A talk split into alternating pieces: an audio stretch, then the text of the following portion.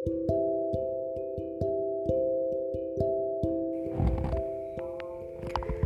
mandi di lantai tiga. Aduh, aku kesorean lagi.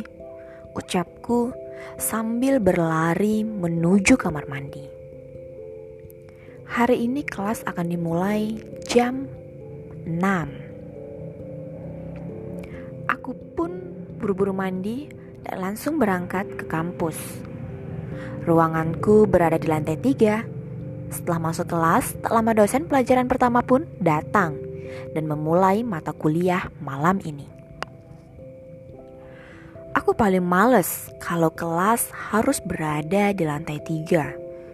Bukan karena terlalu jauh, tapi kamar mandi di lantai ini sangat seram jika malam hari dan terasa sangat sepi. Pernah melihatnya sendiri. Secara langsung, sosok wanita yang menggunakan gaun putih panjang dengan rambut panjang hitam terurai. Waktu itu aku sangat sakit perut akibat makan mie goreng yang sangat pedas di kantin kampus bersama teman-temanku.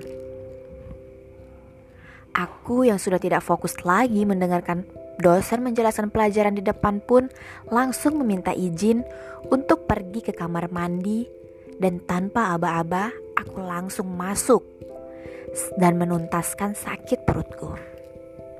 Ketika aku berada di dalam, aku baru ingat bahwa aku pergi sendirian tanpa meminta teman untuk menemaniku. Namun kemudian aku mendengar suara keran air di kamar mandi sebelah.